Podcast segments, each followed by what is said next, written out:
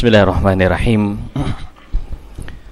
السلام عليكم ورحمة الله وبركاته إن الحمد لله نحمده ونستعينه ونستغفره ونعوذ بالله من شرور أنفسنا ومن سيئات أعمالنا من يهده الله فلا مضل له ومن يضلل فلا هادي له. وأشهد أن لا إله إلا الله وحده لا شريك له. وأشهد أن محمدا عبده ورسوله. صلى الله عليه وعلى آله وأصحابه. ومن سار على نهجه وعلى دربه إلى يوم الدين أما بعد. Ma'asyiral ikhwah Jamaah sidang salat maghrib yang dimuliakan Allah subhanahu wa ta'ala. Alhamdulillah Pada malam hari yang berbahagia ini Allah subhanahu wa ta'ala Memberikan kesempatan kepada kita semuanya Untuk tawasaw bil haqqi wa tawasaw bis sabri. Sekaligus kita menggali dan mendalami warisan yang telah ditinggalkan oleh baginda Rasulullah sallallahu alaihi wasallam kepada kita semuanya dari ilmu agama. Walaupun kalau kita mengacu kepada sebuah masal dari orang Arab. Mungkin cocok. Ada sebuah masal yang berkata mukrahun akhaka la batal. Mungkin saudaramu terpaksa bukan hebat. Kenapa jamaah yang berbahagia? Karena di sini banyak para asatidzah yang luar biasa. Hafizahumullah namun min bab musyarakah khairiyah kita bermajelis sesaat kita menggali salah satu dari poin penting dalam perjalanan hidup manusia sebagai bentuk ibadah kepada Allah Azza wa Jal berkaitan dengan tema ikhlas adalah pilar dalam sebuah ibadah Hadirin yang dimuliakan Allah Subhanahu wa taala kalau kita berbicara dalam tema yang berkaitan dengan ikhlas sebenarnya kita berbicara tentang ruh dari kehidupan kita di dunia ini. Karena Allah Azza telah berfirman dalam ayatnya wa ma khalaqtul jinna wal insa illa liya'budun dan tidaklah aku ciptakan jin dan manusia kecuali agar mereka itu beribadah kepada aku. Berarti tujuan Allah menciptakan kita semuanya adalah untuk beribadah kepada Allah Azza wa Jalla semata untuknya. Dan itu adalah ikhlas yang menjadi pilar utama ibadah seseorang. Kalau kita mengacu kepada ayat-ayat yang lain sangat banyak.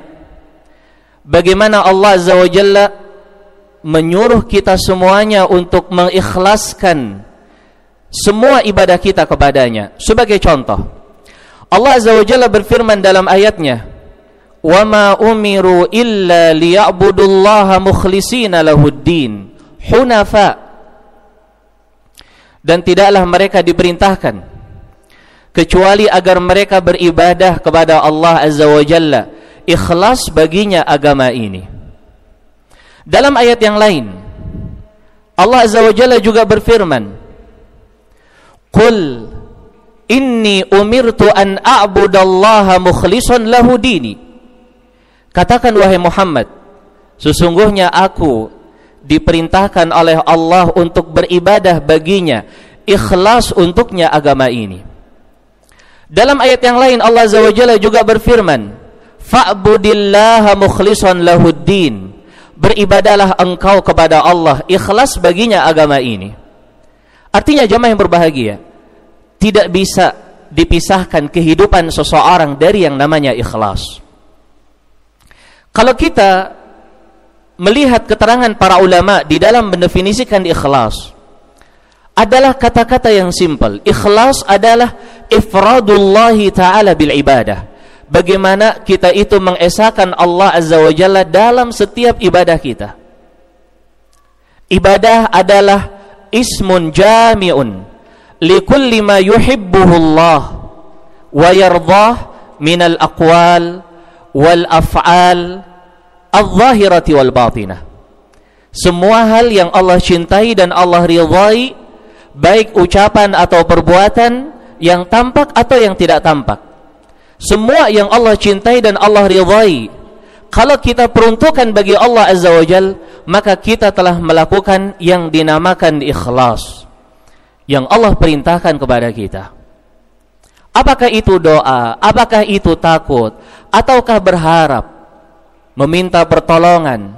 Meminta perlindungan? Dan lain sebagainya namun hadirin yang dimuliakan Allah Azza kita ingin menyentuh dari sisi lain Bagaimana ikhlas itu menjadi tonggak utama ibadahnya seseorang dari berbagai sisi. Apakah dari sisi diterimanya atau tidak? Ataukah dari sisi istiqamah ataukah tidak? Baik dari sisi berkah atau tidak? Karena ikhlas akan mempengaruhi itu semuanya. Seorang yang dia beribadah kepada Allah Azza wa tidak dibangun di atas ikhlas, ibadahnya akan tertolak. Di dalam sebuah ayat Allah Azza wa berfirman, "Walaqad uhiya ilaika wa ila alladhina min qablik la in asyrakta la yahbatanna 'amaluk wa la takunanna minal khasirin." Dan telah diwahyukan kepadamu wahai Muhammad, seandainya engkau berbuat syirik, tidak mengikhlaskan ibadahmu kepada Allah Azza wa Jalla, maka amalanmu akan tertolak, akan hilang dan engkau akan menjadi orang yang merugi. Maka ikhlas ini menjadi penentu ibadah seorang diterima ataukah tidak. Di dalam ayat yang lain Allah Azza wa Jalla berfirman, "Wa qadimna ila ma 'amilu min 'amalin faja'alnahu haba'an manthura." Kami datangkan nanti di hari kiamat amalan-amalan kita. Semuanya. Kemudian kami jadikan amalan itu debu yang berterbangan. Kenapa? karena tidak dibangun di atas ikhlas. Di dalam hadis qudsi Allah Azza wa Jalla berfirman, "Ana aghna syuraka'i 'ani syirki. Man asyraka ma'i fihi ghairi taraktuhu wa syirka." Saya kata Allah Azza wa Jalla tidak butuh kepada mereka yang menyekutukan aku dalam ibadahnya. Siapa yang menyekutukan aku dalam ibadahnya, aku tinggalkan dia dan sekutu dia. Artinya, ketika kita membangun ibadah tidak dibangun dengan ikhlas, maka ibadah itu tidak akan bernilai sedikit pun di sisi Allah Subhanahu.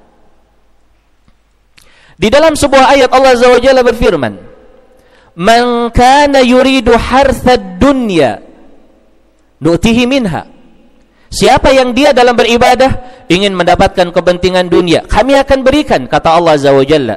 Tetapi dia tidak akan mendapatkan secuil pun dari jatah dia nanti di yaumul qiyamah.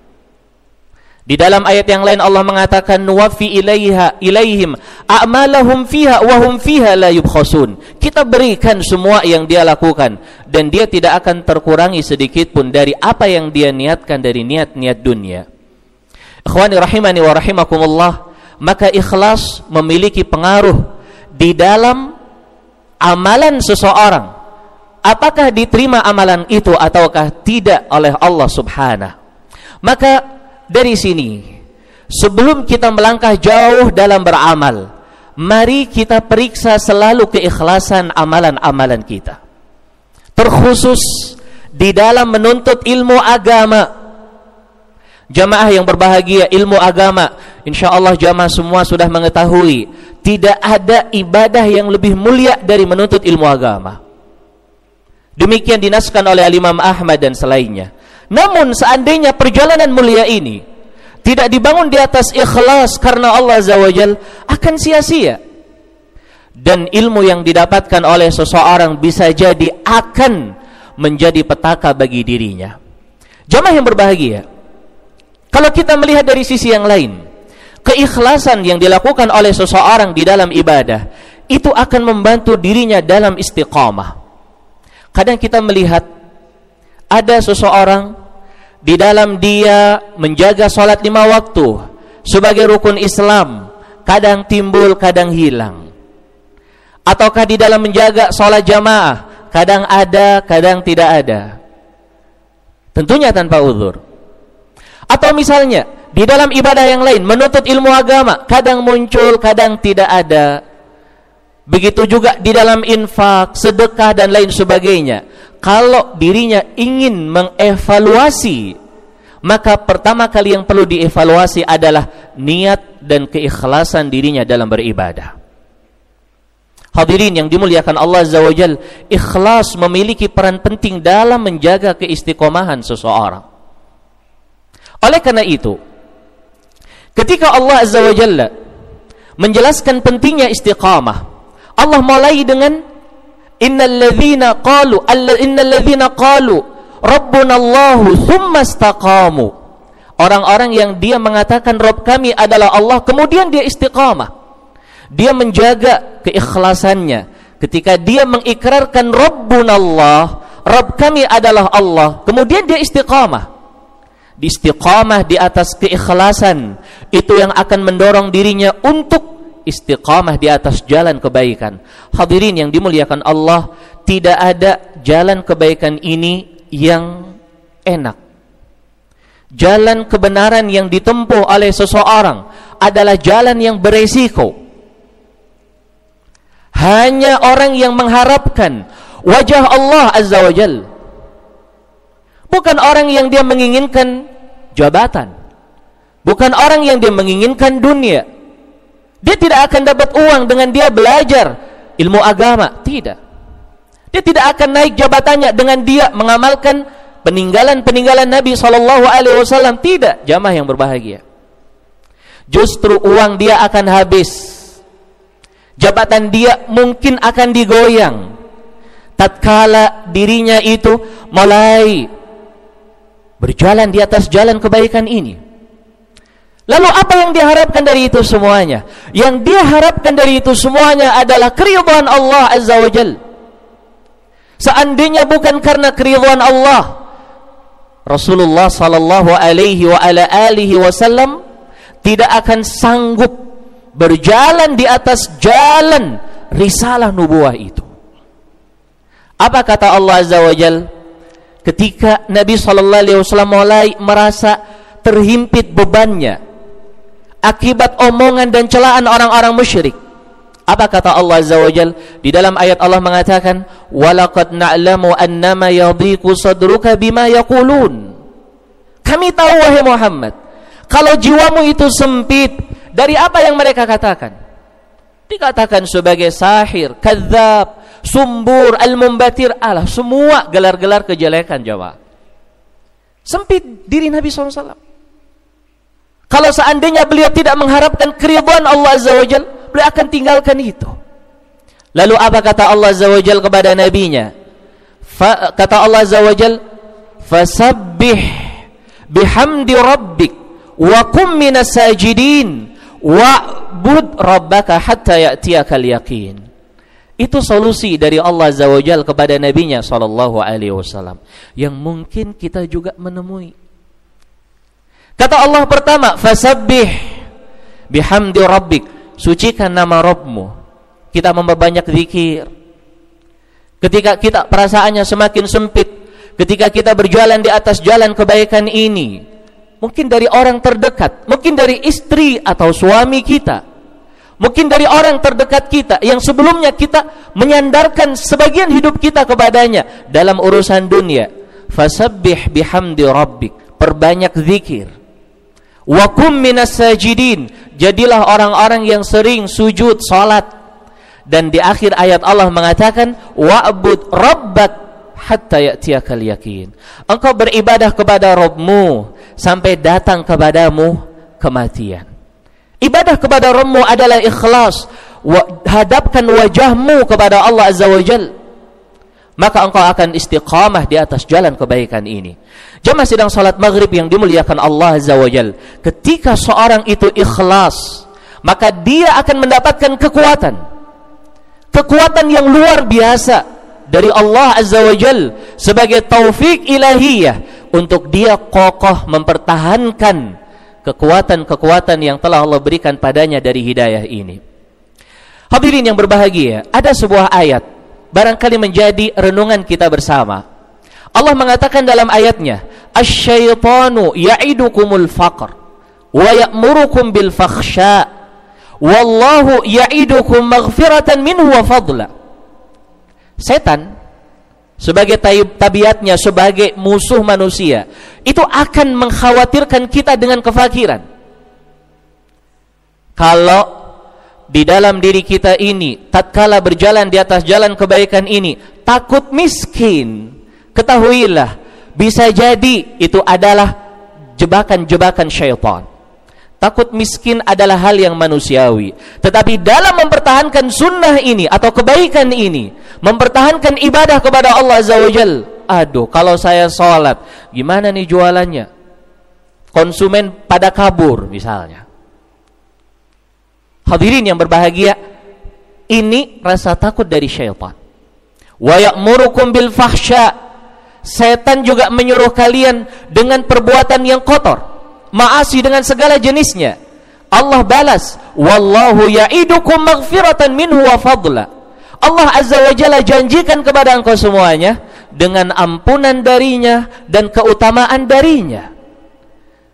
Sekarang kita perhatikan jamaah yang berbahagia ampunan Allah Azza wa Jalla adalah sesuatu yang bersifat abstrak atau karil. Ampunan adalah sesuatu yang tidak tampak. Keutamaan dari Allah Azza wa Jalla adalah sesuatu yang tidak tampak. Di situlah diuji keikhlasan seseorang.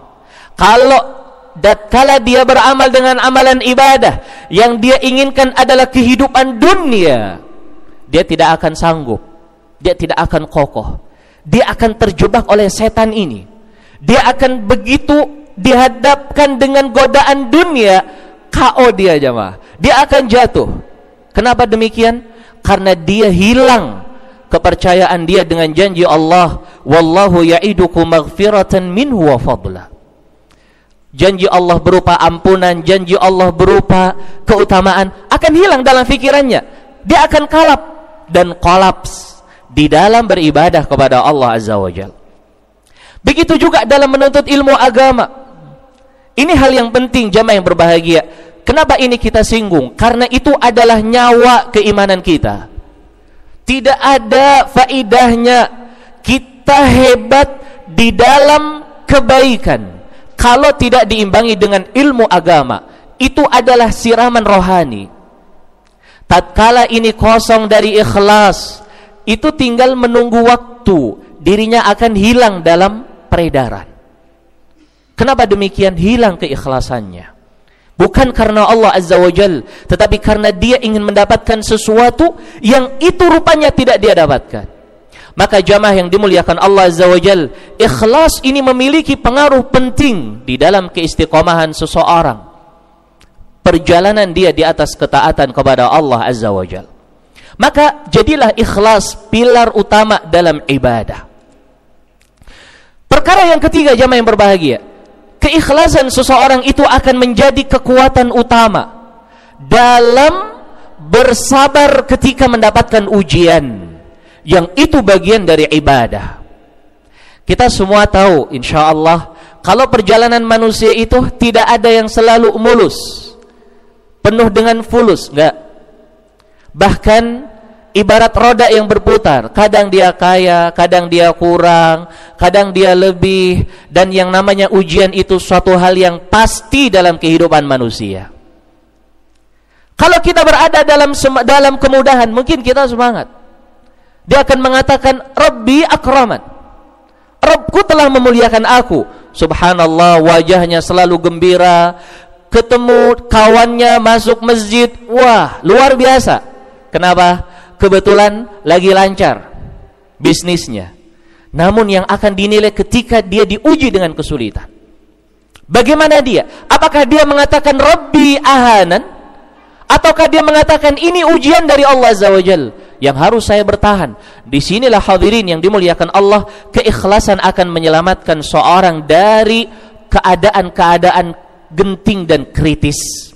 Di dalam ayat Al-Quran Allah telah menjadikan sebuah kisah atau kasus untuk jadikan sebagai bahan pembelajaran. Kisah tentang orang-orang musyrik dulu. Mereka itu ketika berada di atas perahu melakukan perjalanan di atas lautan, mereka apa yang mereka lakukan? Jamaah, mereka ikhlas kepada Allah dalam ibadah. Kita semua tahu ya barangkali dan insya Allah para jamaah telah mengetahuinya. Orang-orang musyrik dulu, Abu Jahal, Abu Lahab dan lain-lainnya. Mereka itu adalah orang-orang yang meyakini Allah Azza wa Jalla itu yang menciptakan mereka, yang memberikan rezeki dan yang mengatur alam semesta. Namun mereka terjatuh dalam kesyirikan di dalam ibadah mereka kepada Allah Azza wa Jalla. Nah, mereka itu ketika menaiki perahu untuk melakukan perjalanan, mereka itu lupa dengan sesembahan mereka. Rakibu fil fulki da'awu Allah mukhlishina lahuddin. Ketika mereka menaiki perahu, coba lihat para jamaah apa yang mereka lakukan? Mereka berdoa kepada Allah ikhlas baginya agama ini. Ikhlas. Maksudnya bagaimana? Mereka lupakan semua sesembahan mereka selain Allah. Mereka tinggalkan, mereka lupakan sandaran mereka kepada Hubal, kepada Manat, kepada Uzza. Da'awullaha mukhlishina lahuddin. Mereka berdoa kepada Allah ikhlas baginya agama ini. Kata Imam Ibnu Qayyim rahimahullah, di dalam Badairul Fawaid beliau mengatakan Allah berikan kepada mereka ganjaran akibat keikhlasan mereka di kala itu dengan Allah selamatkan falamma najau ilal bar fa idahum mu'ridun. Ketika mereka balik lagi ke daratan berpaling lagi nyembah lagi kepada sesembahan mereka.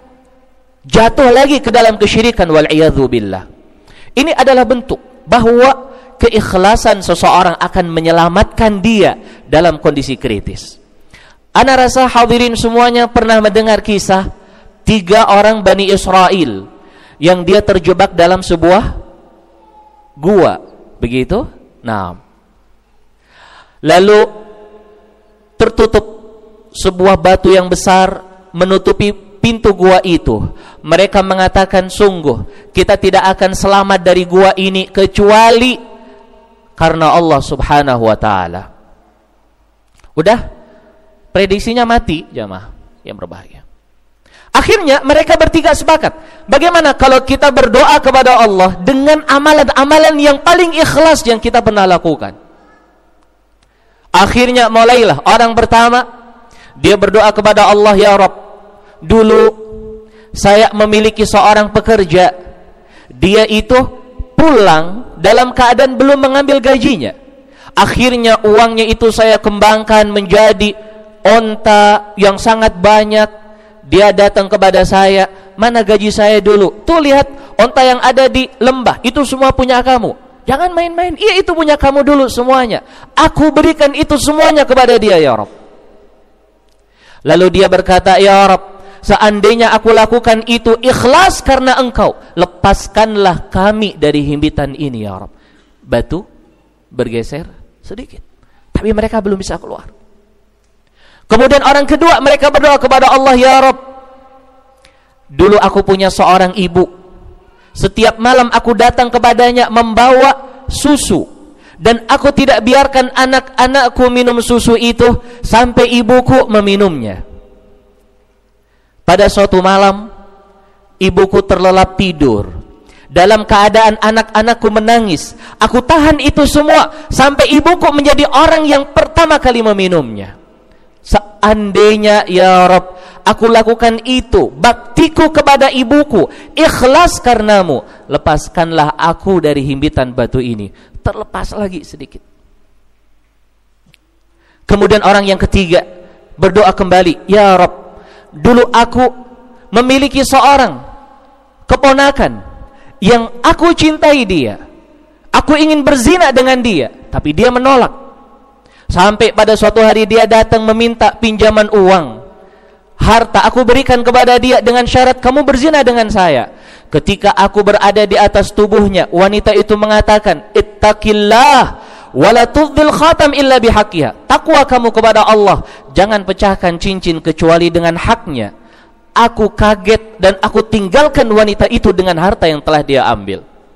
Ya Rob, seandainya aku lakukan itu semuanya ikhlas karenamu, lepaskanlah aku dari jebakan batu ini.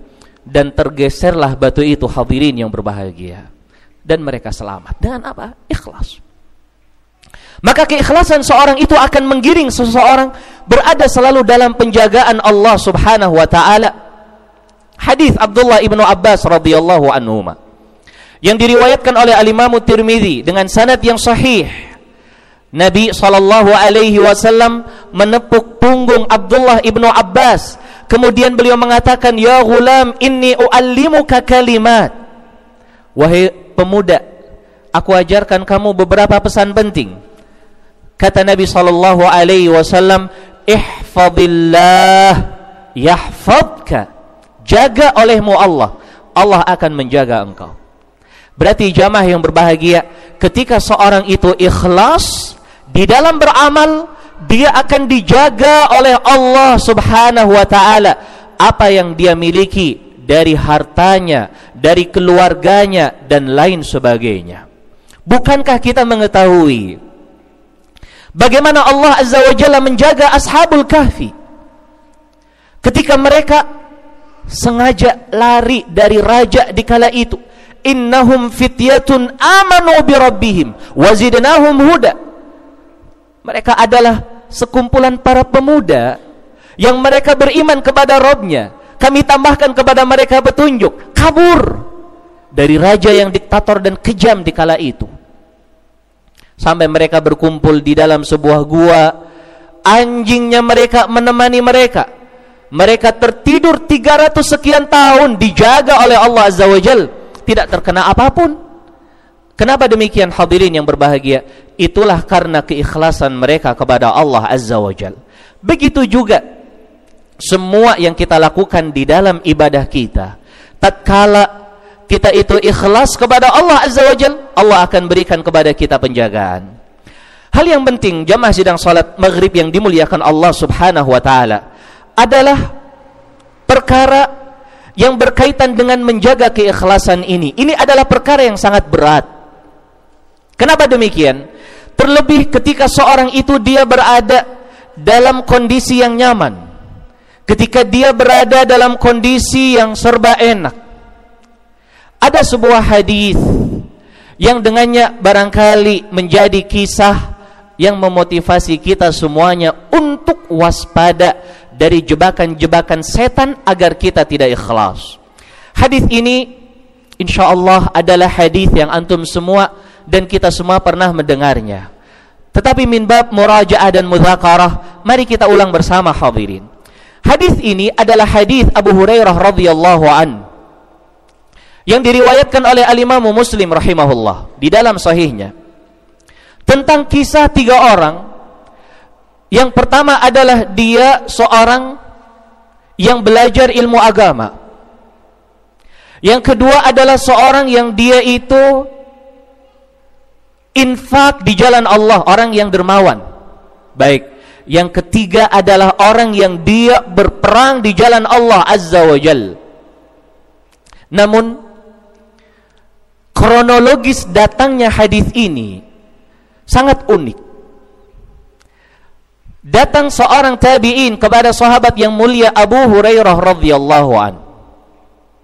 Kemudian tabi'in ini berkata kepada Abu Hurairah, "Ya Abu Hurairah, hadithna hadithan sami'tahu an Rasulillah sallallahu alaihi wasallam." Ya ya Abu Hurairah, tolong beritahukan kepada aku hadis yang pernah engkau dengar tentang keikhlasan dari Nabi sallallahu alaihi wasallam. Kata sang tabi'in itu kepada Abu Hurairah radhiyallahu an mereka berdua dalam sebuah ruangan. Dia mengatakan, "Wahai Syufai," disebutkan dalam riwayat demikian namanya. Dulu aku dengan Nabi sallallahu alaihi wa ala alihi wasallam. Tidak ada antara aku dan dia orang lain. Kemudian Ketika Abu Hurairah radhiyallahu an akan menceritakan apa yang beliau dengar dari Nabi sallallahu alaihi wasallam, beliau pingsan jamaah. Fanaghasha naghshatan kata perawi hadis itu. Beliau pingsan. Kenapa beliau pingsan? Beliau merasa bahwa apa yang akan beliau sampaikan itu sesuatu yang luar biasa. Kemudian beberapa saat beliau siuman. Lalu beliau mengusap wajahnya Kemudian beliau mengatakan ajal. Sa'uhadithuka hadithan sami'tuhu min Rasulillah sallallahu alaihi wasallam. Benar akan aku ceritakan kepadamu wahai sahabatku hadis yang aku dengar dari Nabi sallallahu alaihi wasallam wa laisa baini wa ahad. Saat itu tidak ada antara aku dan dia seorang pun. Ketika beliau akan menceritakan lagi, beliau pingsan lagi. Aku tunggu sesaat Kemudian beliau siuman.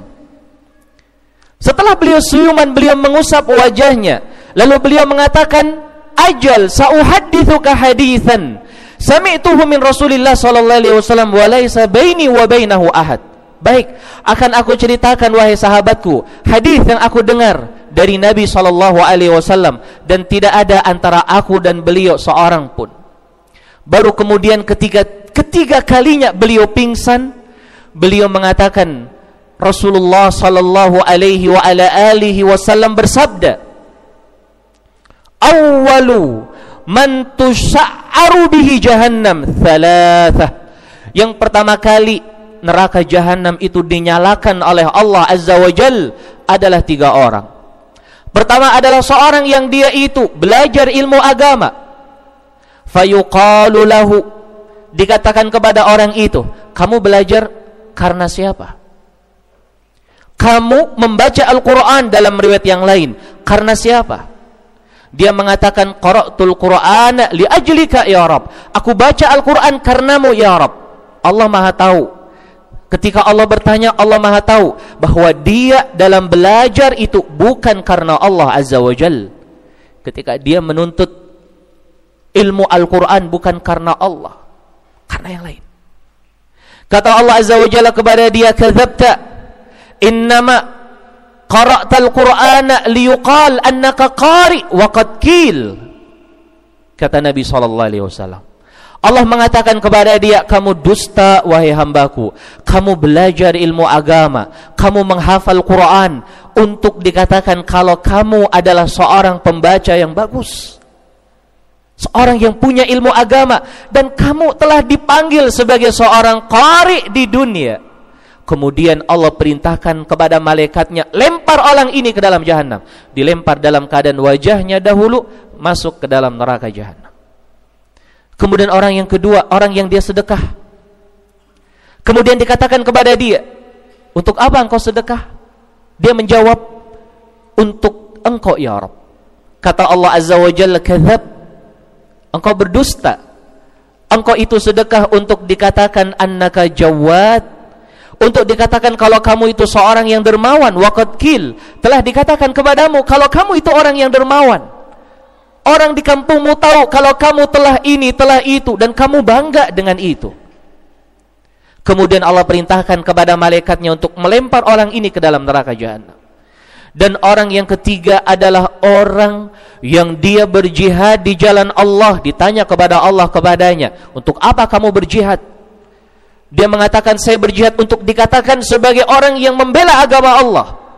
Kadzab kamu berdusta. Innama jahadta liyuqal annaka jari. Kamu itu perang untuk dikatakan kamu itu pemberani dan hebat. Waqad kil kamu telah dikatakan demikian. Dan dilempar lagi dia ke dalam neraka jahanam wal billah. Kata para ulama ketika mereka menjelaskan hadis ini hadirin yang berbahagia, ini dalam amalan-amalan yang luar biasa Apa sih yang kurang dari kemuliaan ilmu? Apa sih yang kurang dari kemuliaan sedekah?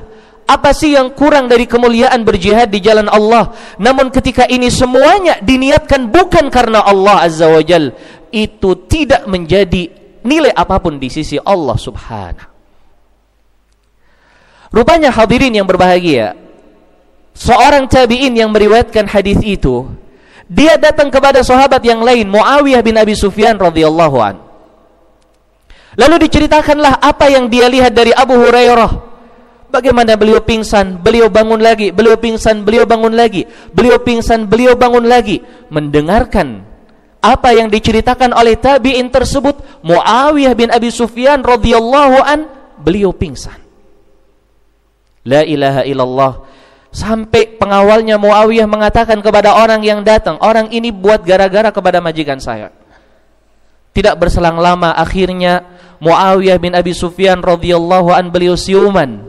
Kemudian beliau membaca mengatakan sodak benar apa yang dikatakan oleh sahabatku. Kemudian beliau membacakan ayat Allah Azza wa Jal, "Man kana yuridul hayata dunya wa zinataha, nuwafi ilaihim a'malahum fiha wa hum fiha la yubkhasun." Dibaca ayat itu oleh Muawiyah bin Abi Sufyan radhiyallahu an. Siapa yang dia menginginkan kehidupan dunia, maka akan kami berikan kepada dia apa yang dia inginkan dan tidak akan berkurang sedikit pun. Sekarang yang jadi pertanyaan adalah kita ini ingin dunia yang fana ataukah ingin mengharapkan keridhaan Allah?